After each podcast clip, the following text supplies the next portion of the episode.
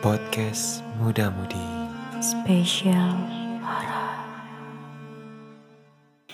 Hai, balik lagi bareng kita berdua di podcast Muda Mudi Spesial Horror. Tentunya bareng sama gue Zulfa. Dan gue Farid Kita berdua bakal ngebahas cerita-cerita horor ataupun cerita-cerita yang sudah dikirimkan dari muda-mudi yang juga ingin membagikan cerita horornya ke kita semua. Dan tentunya seperti biasa untuk teman-teman yang mau sharing berbagi pengalaman pribadi terkait dengan cerita mistis dapat dikirimkan langsung ke Instagram kita di @pemudafm atau melalui email Di kontak pemudafm.com. dan anak muda di podcast Muda Mudi Spesial Horor kali ini Farid dan Zulfah tidak berdua saja Betul. tapi kembali mengundang salah satu narasumber yang merupakan alumni salah satu universitas di bilangan Depok, Jawa Barat. Oke, Langsung kita perkenalkan saja. Silakan, selamat malam. Halo, selamat malam. Oke, apa kabar? Baik, Ah, alhamdulillah. Alhamdulillah baik ya Mel. Mel boleh perkenalkan diri dulu Mel buat anak muda yang lagi dengerin podcast horor kali ini Mel. Lagi sorry namanya, umur atau kesibukannya saat ini sedang apa? Silakan Mel. Oke, Em, nama gue Amel atau biasanya dikenalnya Amel Gasai. Umur gue 25 tahun. Sekarang sih kesibukannya kerja kantoran aja ya. Oke. oke. Mel benar ya Mel ya ini sebagai introduction buat pendengar di rumah. Lo ini salah satu alumni Universitas di Bilangan Depok Jawa Barat, betul ya Mel? Betul. Oke. Sebagai pembuka Mel, kita tahu ya Mel ya di daerah Depok khususnya di komplek universitas lo itu dari dulu banyak banget cerita-cerita mistis yang bisa kita akses melalui internet baik itu Google, Twitter, uh, dan lain-lain. Mhm. Bahkan buka horor ini bukan cuma terkait dengan setan aja atau hantu, tapi juga kasus pembunuhan, kemudian Betul. begal Dan uh, lain-lain. Iya, nah, benar banget sebagai sih. Alumni yang pernah bersek apa namanya studi ya, menjalani studi di sana, kemudian lo juga sempat ngekos di daerah Depok juga gitu ya.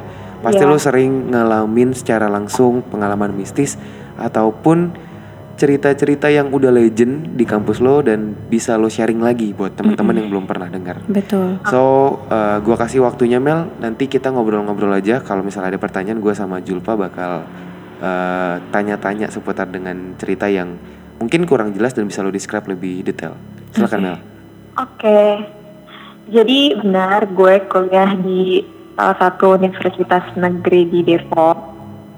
Dan seperti yang Ai sudah bilang kalau di kampus gue ini nih emang banyak banget ceritanya.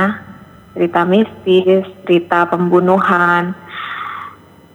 Eh, kalau gue sendiri sih ngalamin sesekali doang ya. Maksudnya nggak yang selama eh, bertahun-tahun kuliah itu gue ngalamin itu. Tapi kalau untuk cerita-cerita dari teman-teman atau dari dosen, ini tuh banyak banget gitu loh.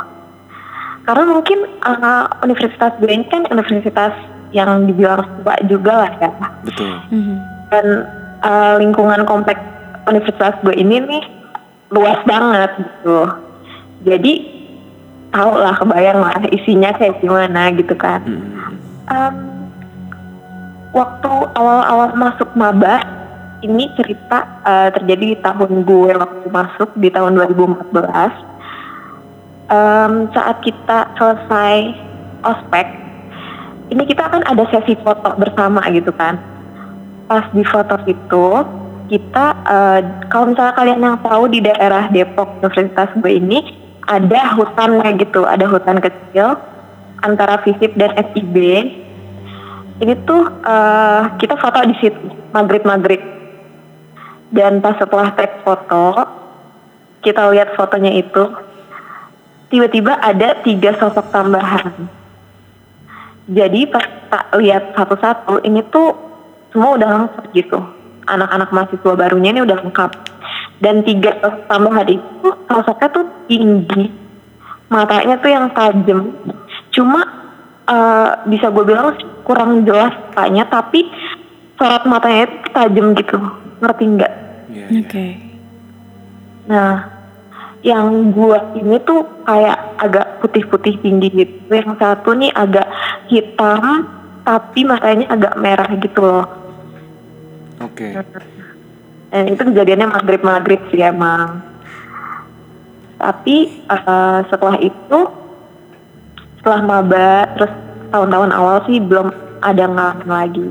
Sampai akhirnya um, dosen ada cerita juga nih. Jadi pas kita pas lagi di kelas, pas lagi di kelas, uh, keadaan kan lagi biasa lah, belajar mengajar biasa gitu. Tiba-tiba nih dosen uh, nyuruh diem gitu, nyuruh diem seluruh mahasiswa. Sedangkan kondisi kelas udah kondusif gitu, udah diem semua, udah hening. Tapi dosen ini kayak masih gitu loh, masih diem-diemin hmm. mahasiswanya gitu. Terus okay. akhirnya kayak dia nunjuk, kamu bisa diem nggak gitu. Sedangkan yang dia tunjuk itu bangku kosong. Jadi di bangku kosong itu ya maksudnya di bangku itu gak ada siapa-siapa gitu loh dan mahasiswa-mahasiswa lain langsung nengok dong ke bangku itu. Karena bangku itu nggak ada orangnya. Terus dosen gue kayak kamu bisa diam nggak? Terus uh, teman-teman gue sebenarnya kan kayak siapa gitu kan ya. Karena di bangku itu nggak ada orang. Dosen gue bilang kayak itu mahasiswa yang pakai jilbab merah gitu. Semua pada kaget dong karena posisinya emang gak ada siapa-siapa. Sampai yang di sebelah uh, sebelah si bangku itu dia sampai merinding karena bangku itu emang udah kosong dari awal uh, masuk kelas itu loh. Oke. Okay. Dan setelah dikasih tahu sama teman-teman lo kalau di situ nggak ada orang, apa respon reaksi dari dosen lo gimana? Hmm. Iya dosen gue diem aja. Mungkin karena dosen gue juga udah sering ngalamin juga kali ya. Oh, Oke. Okay. Kayak oh, cuma di di aja gitu kayak oh gitu. Oke okay, oke. Okay kalau pas lagi lu foto bareng itu pas ospek mm. uh, tiga makhluk tambahan itu jaraknya berdekatan, dempet-dempetan atau jauh-jauhan gitu mas? Ya jauhan, nyebar gitu loh. Okay. Jadi yang dua itu uh, lumayan dekat, tapi nggak nempel. Mm. Satu lagi itu di posisi uh, seberangnya itu loh. Oke. Okay. Jadi dua di sisi kanan, yang satu di sisi kiri. Dan itu mereka posisinya semuanya di paling belakang. Di paling belakang semua. Dan paling tinggi paling tinggi. Jadi tinggi. kelihatan banget ya. Halo? Tingginya tinggi banget. Tingginya tinggi okay. banget. Oke. Okay. Um,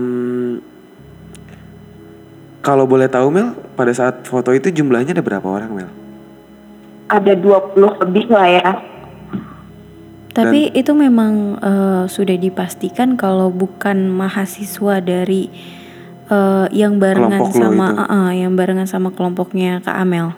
Bukan bukan karena uh, kita udah absen gitu kan kayak uh, semua tuh udah ada di foto itu udah di absen satu-satu. Oh ini di sini ini di sini. Nah pas tiga tambahan itu ya emang nggak tahu itu siapa karena di vote di kelompok kita yang paling tinggi per aspek itu tuh uh, si tiga kelas ini tuh jauh lebih tinggi daripada si mas yang paling tinggi di kelas kita. Wow. Oke. Oke oke oke. Dan menyadarinya itu pada saat benar-benar selesai foto atau pada saat mungkin foto itu udah ada beberapa hari atau mungkin tahunan baru sadar kalau itu bukan salah satu dari kalian. Uh, pas malamnya sih setelah pulang dari ospek ada nih yang ngomong kayak eh coba deh lo lihat ini siapa gitu kan akhirnya semua jadi notice dong pas uh, di notice itu makanya kita absen satu-satu. Dan semuanya tuh ada gitu.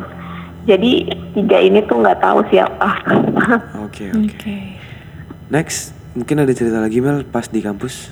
Hmm, oh ini sih temen gue. Tapi ini beda jurusan ya. Hmm. Dan gue kan kuliahnya di Fakultas Ilmu Budaya. Jadi suatu hari di emang ada gedung namanya gedung 9 gedung 9 ini sebenarnya aktif digunakan sama mahasiswa tapi gedung 9 ini juga yang lumayan angker gitu loh. Oke. Okay. nah di gedung 9 ini satu hari mahasiswa ini temen jurusan lain ini dia udah datang lebih pagi. Which is kalau misalnya datang lebih pagi keadaan kelas kosong dong. Bener.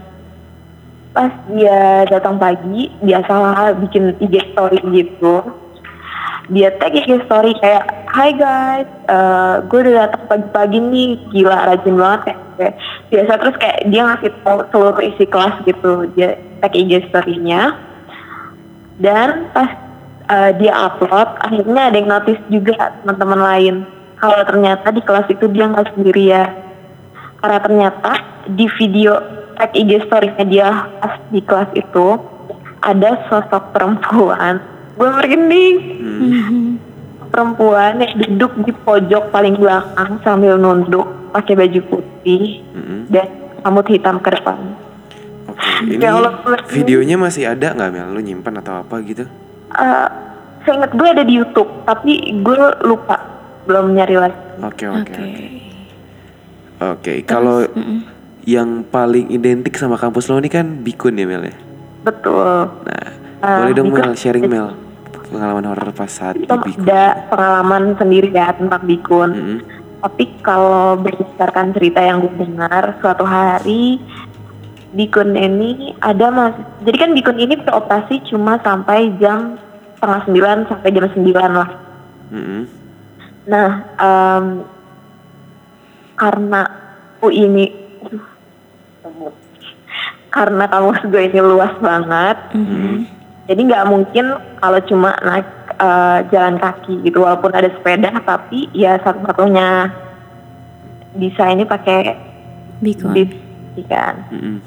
Nah, terus em, suatu hari katanya nih ada mahasiswi yang mahasiswa mahasiswa yang eh, turun dari bikun dia ngakunya dia turun dari bikun tapi dia ini kayak eh, apa namanya sih kayak pelangap-pelong gitu loh Linglung. Oke. Iya, kayak linglung gitu.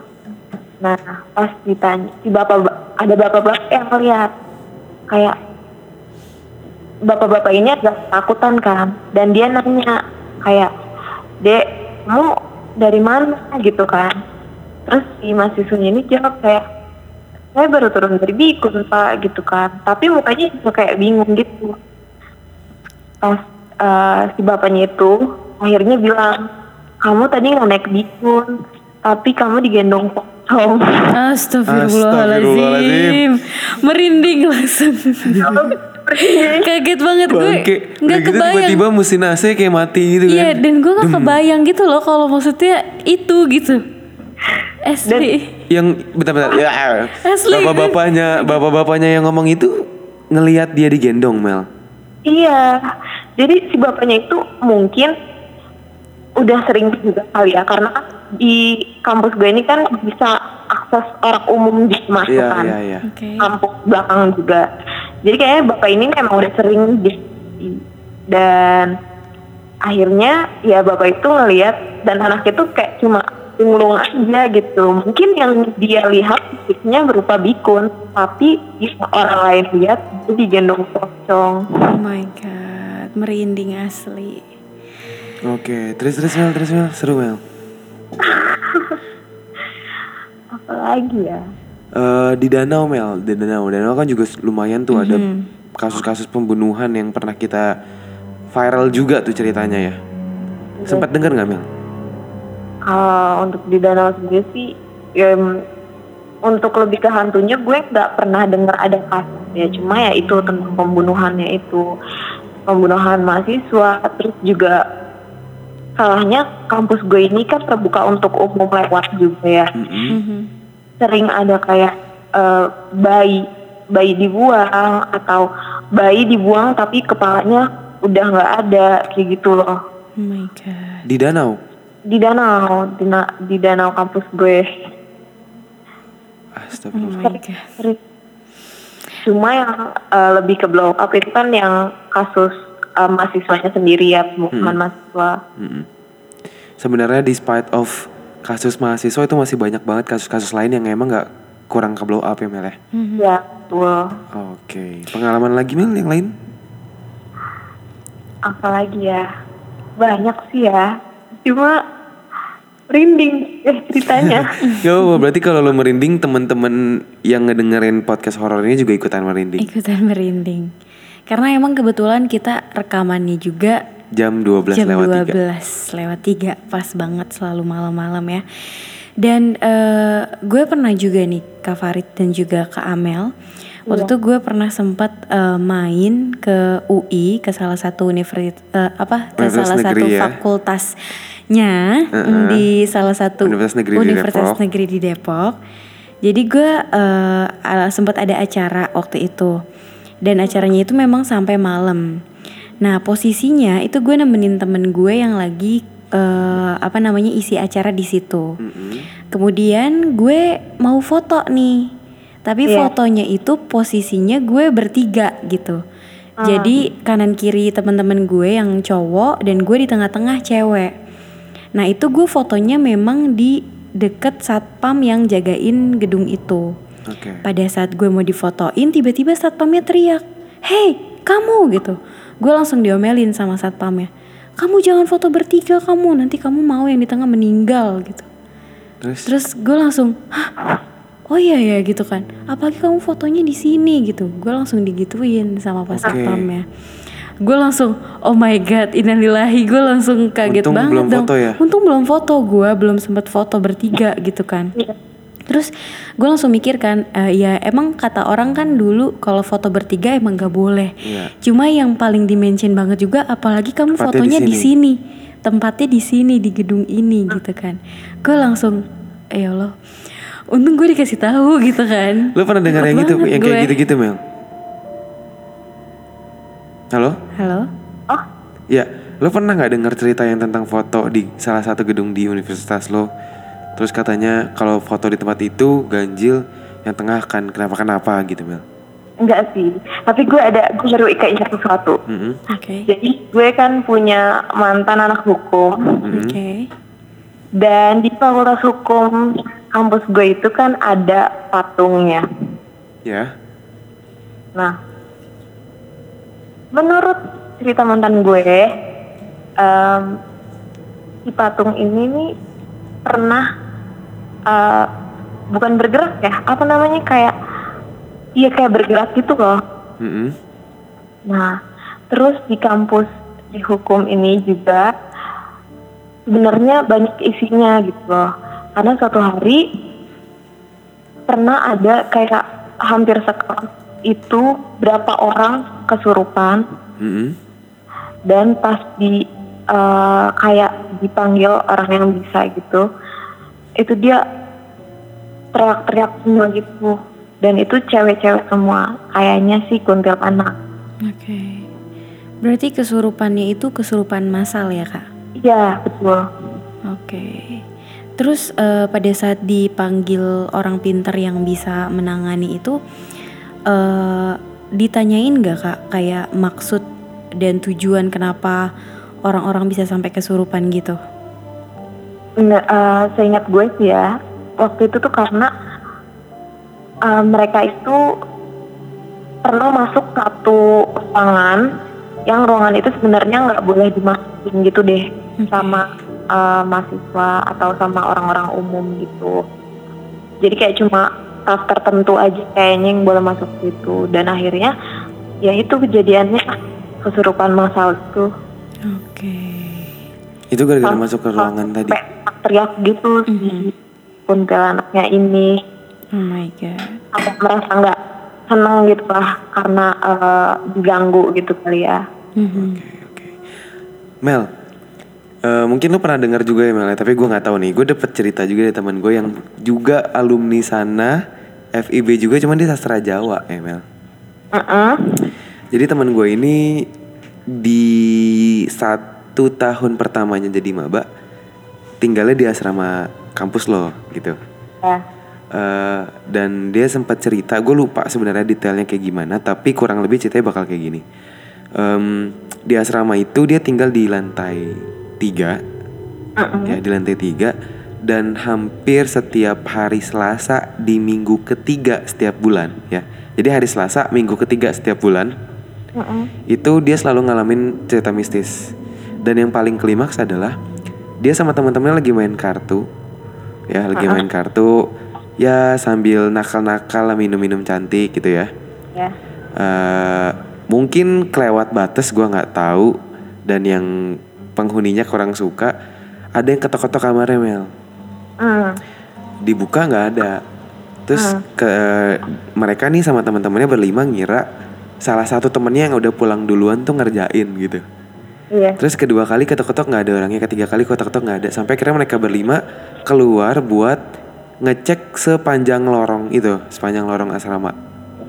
Sampai pas saat mereka ada di depan tangga untuk turun naik ke atas dan ke bawah gitu ya kan tangganya kayak atas bawah gitu kan Ah. nah pas mereka pengen turun ke bawah tiba-tiba ada cewek bawa anak kecil digandeng mau naik ke atas nyamperin mereka tapi Iya. pala anak kecil dan pala cewek itu nunduk sambil lari kenceng banget ngejar mereka sampai depan pa- kamar Oh my god. dan bay lo bayangin jalannya itu kayak kepincang-pincang gitu jalannya ngesot-ngesot tapi cepat banget dan dua-duanya anak kecil sama cewek itu ceweknya ketawa anak kecilnya ketawa. Bayangin lo ketawa anak kecil. Oh my god. anak kecil yang ketawa lu literally ketawa.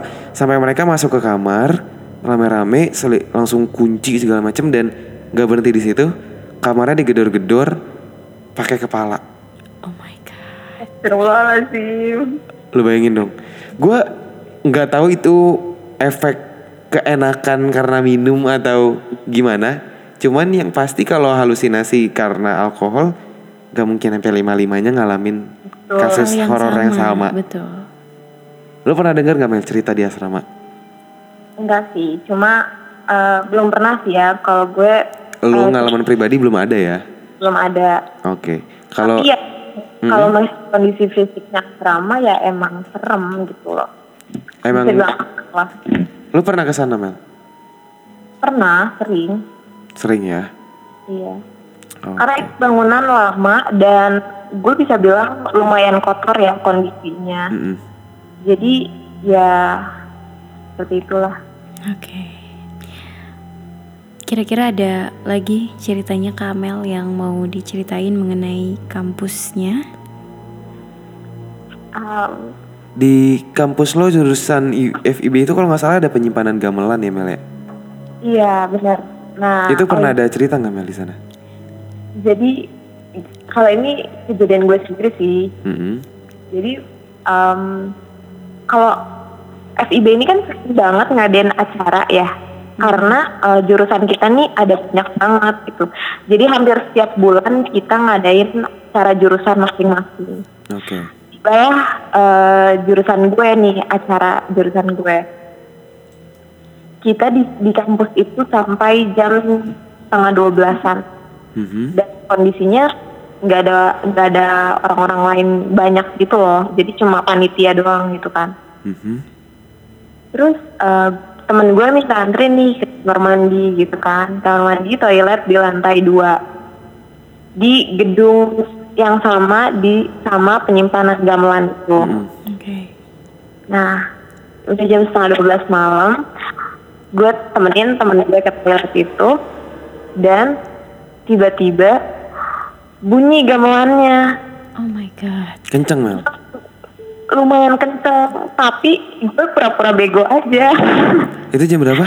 karena itu di jam setengah 12 malam Wow. dan eh, si ruangan gamelan ini ini kan udah dikunci dari siang ya dari sore lah jadi udah nggak Eh, ada bentar, bentar, bentar. Halo Mel? halo Halo. Lu di situ sendiri gak Mel?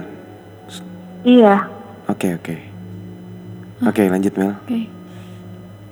Eh, jadi kun, eh, ruang gamelan itu udah dikunci gitu kan dari sore sedangkan itu posisinya gue mendengar udah setengah 12 malam Oke. dan Oke. gue tuh kayak yang panik gitu karena itu bunyi Mel, gamelan Mel, Mel.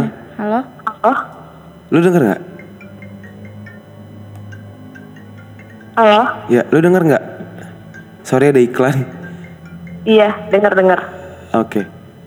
Nggak, tadi lu denger ada yang ngedistract diskusi kita? Mhm.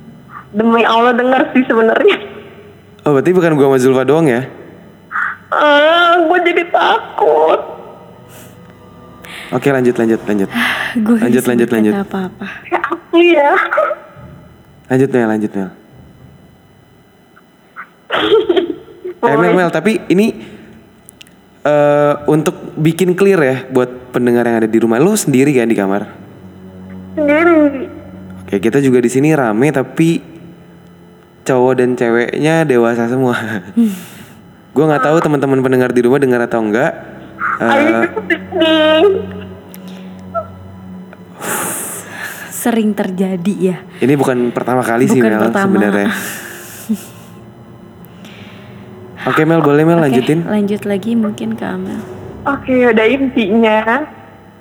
Intinya em, ya itu bunyi gamelan terus temen gue panik, gue pura-pura bego aja kayak udah tenang aja padahal gue juga panik gitu loh karena ngerti kan lo gamelan Jawa bunyinya gimana Hmm, pas malam posisinya lo lagi di toilet pantai atas sama teman lo iya. Oke. Itu lantai berapa Mel? Lantai dua Lumayan sih ya kalau setengah 12 malam ke lantai 2 iya itu posisinya di pojok gitu loh Wow, mantap. Gak pernah terbayang sih sama gue kalau kayak Tapi gitu. fix yang bikun juara sih. Itu Parah ya. asli kaget banget gue. Gue nggak kebayang. Gue kira ya mungkin Dia diganggu di bis atau iya atau enggak. Tapi gue pernah denger gue jadi gitu? inget nih pas gue lagi SMA atau SMP gue lupa ya di UI itu sama kasusnya bikun. Jadi bertiga malam jam setengah sembilan itu mereka mau turun dari bikun bilang makasih pak kan kalau turun dari bikun gitu ya makasih pak ya kan. Terus Iya. pas nengok ternyata bapak-bapaknya mukanya rata. Oh my god. Itu gue pernah baca sih, gue pernah gue nggak tahu itu benar atau enggak. Cuman yang pasti itu cukup legend. Gue yakin para pendengar juga pasti pernah dengar cerita itu. Benar-benar. Banyak banget sebenarnya ya cerita-cerita di kampus Depok ini yang emang belum banyak terekspos juga gitu kan. Satu cerita tuh sebenarnya nggak cukup untuk kita bahas 20 sampai 30 menit. Mhm, Karena mungkin begitu banyaknya cerita di kampus tersebut. betul. Meskipun sebenarnya kita di sini mau disclaimer ya, yang ada makhluk dan cerita mistis sebenarnya bukan di kampus Bukan di kuning kampus. aja, Mm-mm, betul. tapi juga di setiap kampus pasti ada gitu ya. pasti ada. Nah, cuman sebagai salah satu kampus yang cukup tua ya Mel dan lingkungannya besar sekali gitu. Jadi eh, yang namanya cerita mistis tuh eh, cerita mistis tuh gampang eh, viral, gampang terdengar dan apalagi banyak pohon-pohonnya gitu ya di sana ya. Mhm.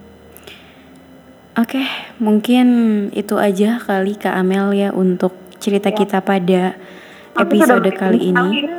Kenapa Kak Amel? sekali. Udah merinding sekali. Makin merinding. Oke, semoga malam ini tidurnya Nyenyak ya Mel, nyenyak lanjut ya, bikin ya. konten silahkan Mel.